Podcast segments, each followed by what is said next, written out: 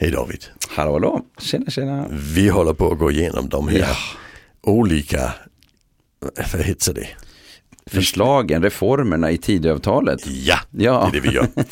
Så är det. Eh, och vi tar dem bit för bit. Ja. Och bara de som handlar om skolan såklart. Just det. Vi har inte så mycket att säga som är viktigt kring resten. Eh, Nej.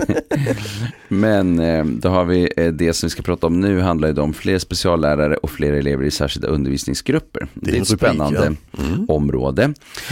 Och texten här, några rader under det står då satsningar görs för att möjliggöra ytterligare speciallärare samt att fler elever ska kunna få undervisning i särskilda undervisningsgrupper istället för i helklass. Ge rektor större flexibilitet och förutsättningar att utforma särskilda undervisningsgrupper. Yes. Ja. Och det här är ju inte en, en, en, ett motsats. Alltså igen, man tar spjärn mot Lgr 11. Ja, Det, det är det man gör. För i den så var inklusion det, det bärande principen kan man säga. ja. Det får man verkligen då säga. Man började Ja. prata om specialpedagogik i klassrummet och man, eh, man gjorde det avsevärt mycket svårare att vara i mindre undervisningsgrupper. Det var ju Ja. enormt många mindre undervisningsgrupper som då lades ner. Ja, Det fanns också en, eh, eh, skrivningar som var gjorda så att man tolkade det som att eh, det var bara privata utförare som fick ha särskilda skolor som hade, som hade s- särskilda undervisningsgrupper. och det fanns rättades ju- då till för några år sedan. Ja, och det fanns ju vissa eh, kommuner som lite drivet höll fast vid sin modell eh, som varit uppe i, i, till diskussion.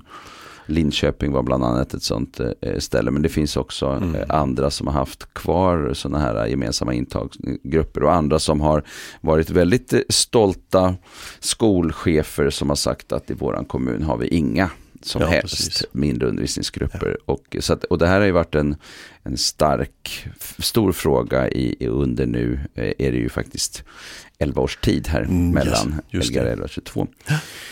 Så, Ja, och, och det, när man tar spjärn, det är ju alltid spännande. Mm. För det finns ju en risk att man går tillbaka till det som var istället för att hitta den gyllene mellanvägen. så något, säga. något nytt som kanske också Ja, är bättre än det båda här de med gamla. syntesen istället för tes eller antites. Just det. Ja, så är det. det tycker jag är spännande. Jag, jag brukar använda vår modell för att snacka inklusion. Ja. Eh, och det är Barrys modell. Just det. Och han är egentligen inte skolforskare utan Nej. migrationsforskare. Men Mm. det är inga problem för modellen funkar ändå. Ja, just det, precis. Och det han säger det är att alltså, vi kan ha en förväntan om assimilering. Det är den översta nivån. Mm. Och det betyder att vi tar eleven in i klassrummet i helklass utan att göra några särskilda lösningar för Nej, det funkar så att säga. Ja, med och, det som är. Och, och för ungefär, ja, den, när jag jobbade på Kunskapscenter för autism så gjorde vi lite undersökningar kring det i Danmark. Och där såg vi att 50% av eleverna med den diagnosen som heter Aspergers syndrom, alltså autism nivå 1 heter det idag, de klarade ju faktiskt att assimileras. Men gjorde inte särskilda lösningar utan det var bara lärarens kompetens i situationen som kanske Ja. kom i spel. Så 50% klarade sig ganska bra på det faktiskt.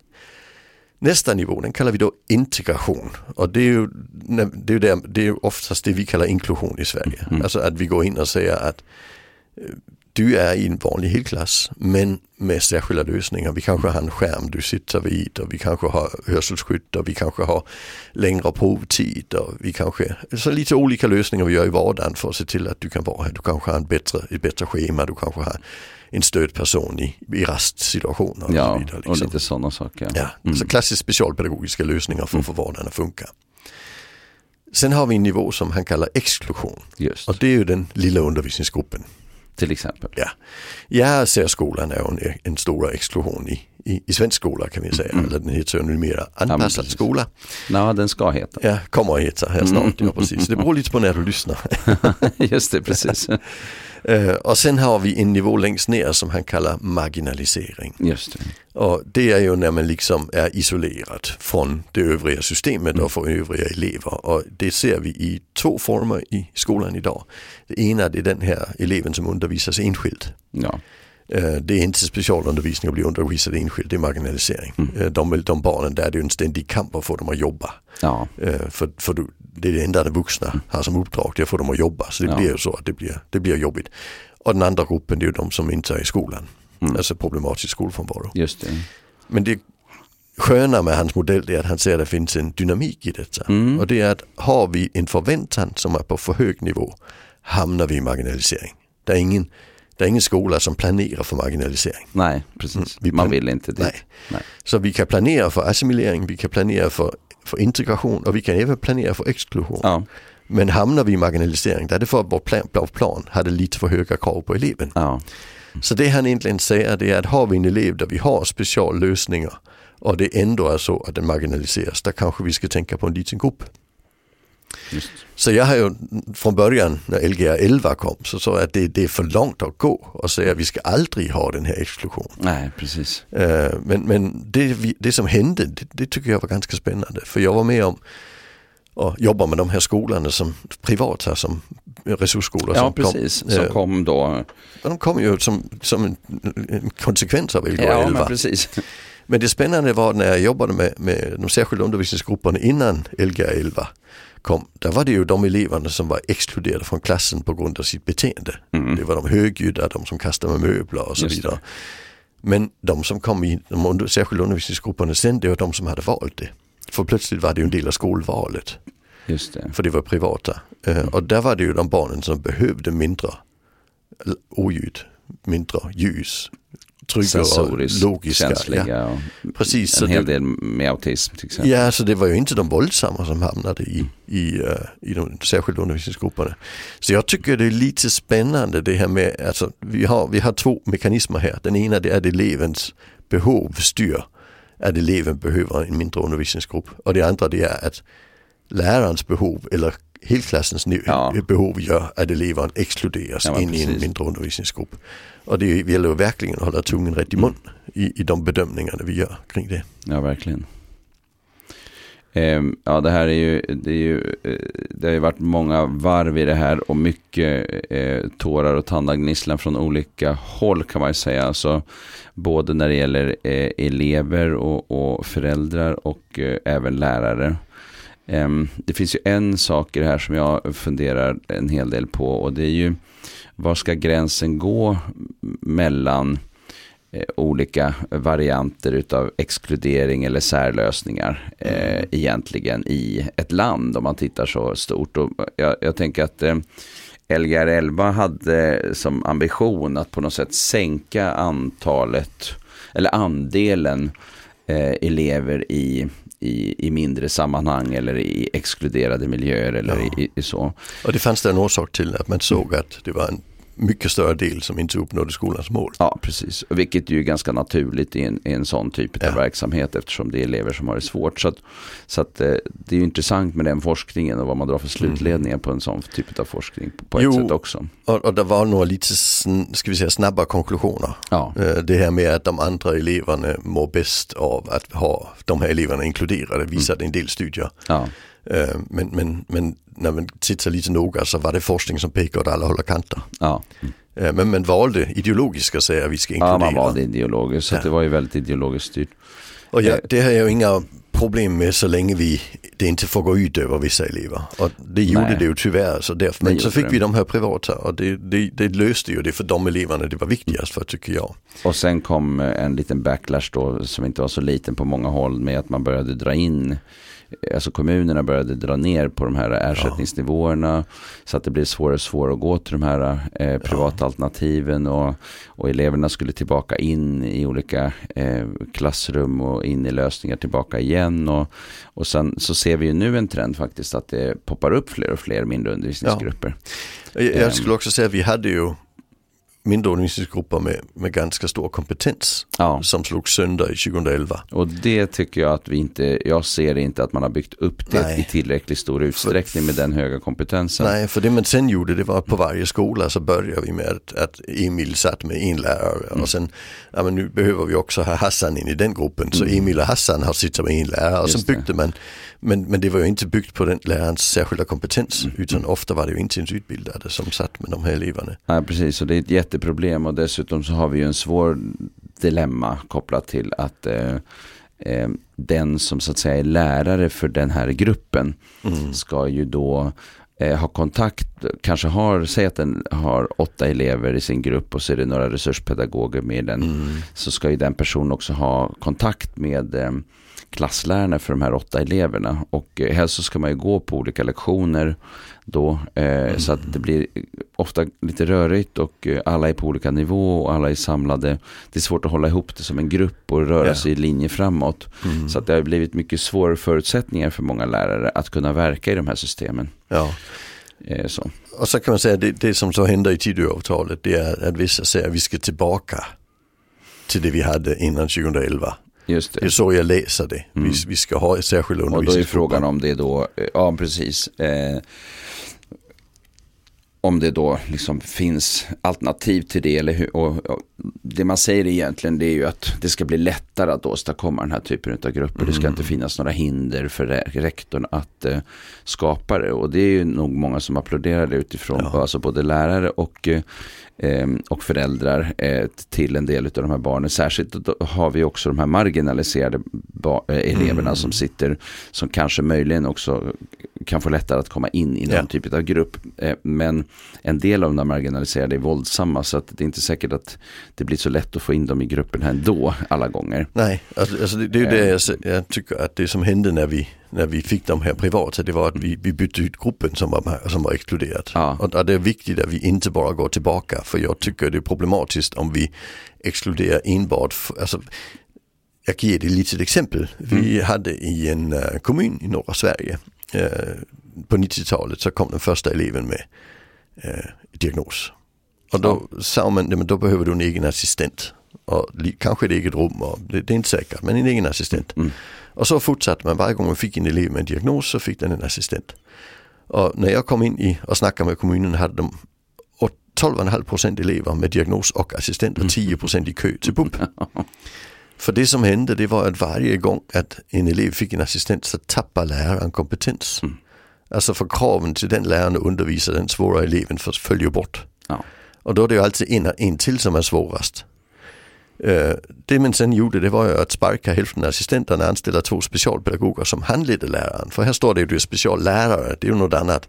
Precis. En speciallärare jobbar med eleven, en ja. specialpedagog jobbar oftast med det med. övergripande och handleder lärare. Mm. Men hamnar ibland i att jobba som speciallärare ja. eh, ändå. Eh, lite beroende på det ser lite olika ut. Organisationsstrategier och så. Ja. Och, ja. Men det man gjorde det var att anställa de här två, de började handleda lärarna. Och jag såg statistiken nu eh, och där var de nere på 7% diagnos, den kommunen. så, så det betyder att det har gått väldigt bra. 7% är ju, mm. det, det är en, alltså Mer det, i linje med det är prevalens. Det är i linje med vad vi förväntar. Vi förväntar mm. 5% har ADHD och vi förväntar att 2% har autism idag. Mm. Så det är inte så konstigt. 5, 7% är det. Det är precis rätt på så att säga. Mm.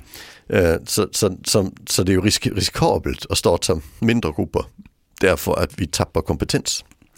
Det är, en, det är ju en jätteviktig fråga och, eh, det leder, och, och där finns det också det här eh, trycket från lärarhåll eh, eh, som, som, eh, som är svårt att hantera i skolorna.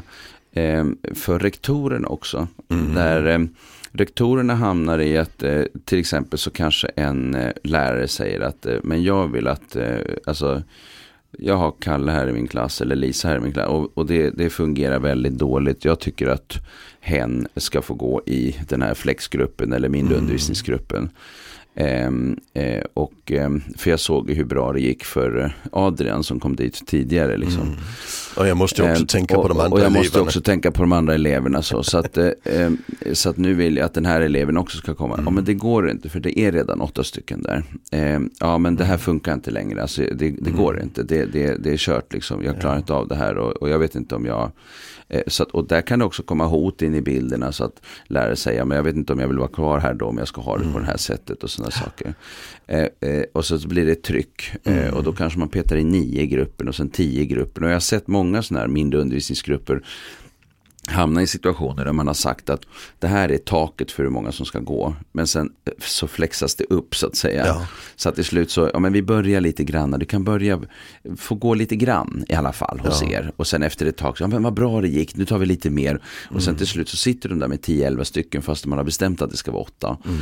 Eh, till exempel. Och, och, det är ju inget problem om, om det är bättre.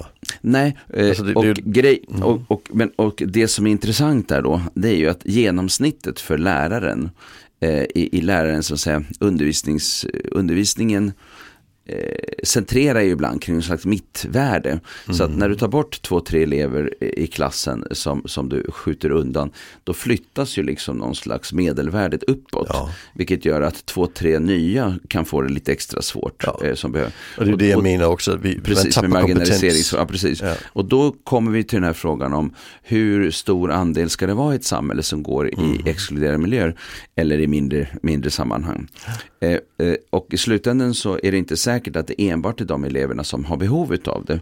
Utan att det, det skulle kanske kunna vara så att med, med en viss lärare med, med, eller med vissa lärares med ökad lärarkompetens så skulle man mycket väl kunna gå i en, en, en vanlig klass och faktiskt Ja. eh, må bra och lyckas i det. Ja. Men man har gjort någonting som egentligen är mycket dyrare också eftersom det är mycket dyrare med de här exklusiva Mm. exklusions... I Danmark hade de ett märkligt system förr i tiden, eh, fram till 2007. Det var det att om en elev kostade över 200 000 om året Mm. så övergick ansvaret från kommunen till eh, länet och sen betalade kommunen de här 200 000. Eh, och det innebar att alla specialgrupper som kostade, var, där man hade en, en, en 1-3 normering, de låg i länet liksom. Eller i regionen liksom. Ah. Eh, så, och sen tog man ju bort det. Ja. Men man behöll det- det här, det här systemet med kostnaden. För det man då kunde säga det är att ja, men, lilla gruppen kostar så pass mycket. Och är det så att vi har så många stödtimmar inne i, kring den vanliga eleven då flyttas han över i lilla gruppen. Men om de, de sen i lilla gruppen tycker att han inte behöver det stödet då återförs han ju bara. Men man lägger liksom på kostnaden och det, det är ett märkligt system. Ja. Eh, men, men det är ett sätt att, att få lilla gruppen att kunna skicka tillbaka. Mhm. Alltså, och det, och det, det är kanske det vi behöver i detta. Och säga, är det enbart lärarens inkompetens som ska bestämma hur många som ska gå eller kan det också vara lilla gruppens kompetens att bedöma?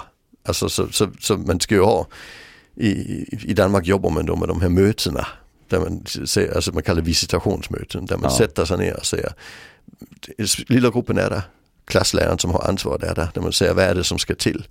Är, är insatsen, är den stora alltså mängd som vi behöver ha dem i den lilla gruppen eller kan vi göra insatserna billigare in i, i klassen? Och jag vet inte om det alltid är ett bra system för det att vi har fortfarande de här exklusionstrycket som jag kallar det. ja, precis. Men, men jag tycker det är viktigt att säga att det inte bara är läraren och rektorn som ska stå för det beslutet utan det måste också vara en motkraft. Mm, mm. För annars blir det ju ett exklusionstryck som innebär att lite för många hamnar i små grupper. Ja, vi kan hamna i en väldigt, eh, i en spiral som blir ganska okontrollerbar till slut. Ja. Och, eh, finns det ju en risk för. Och vi vet Mm. att det är färre av de eleverna som når målen. Det är det som är det viktiga. Alltså de, de som ligger i gränsnivån, Ja. de mår bättre av att inte komma i gruppen.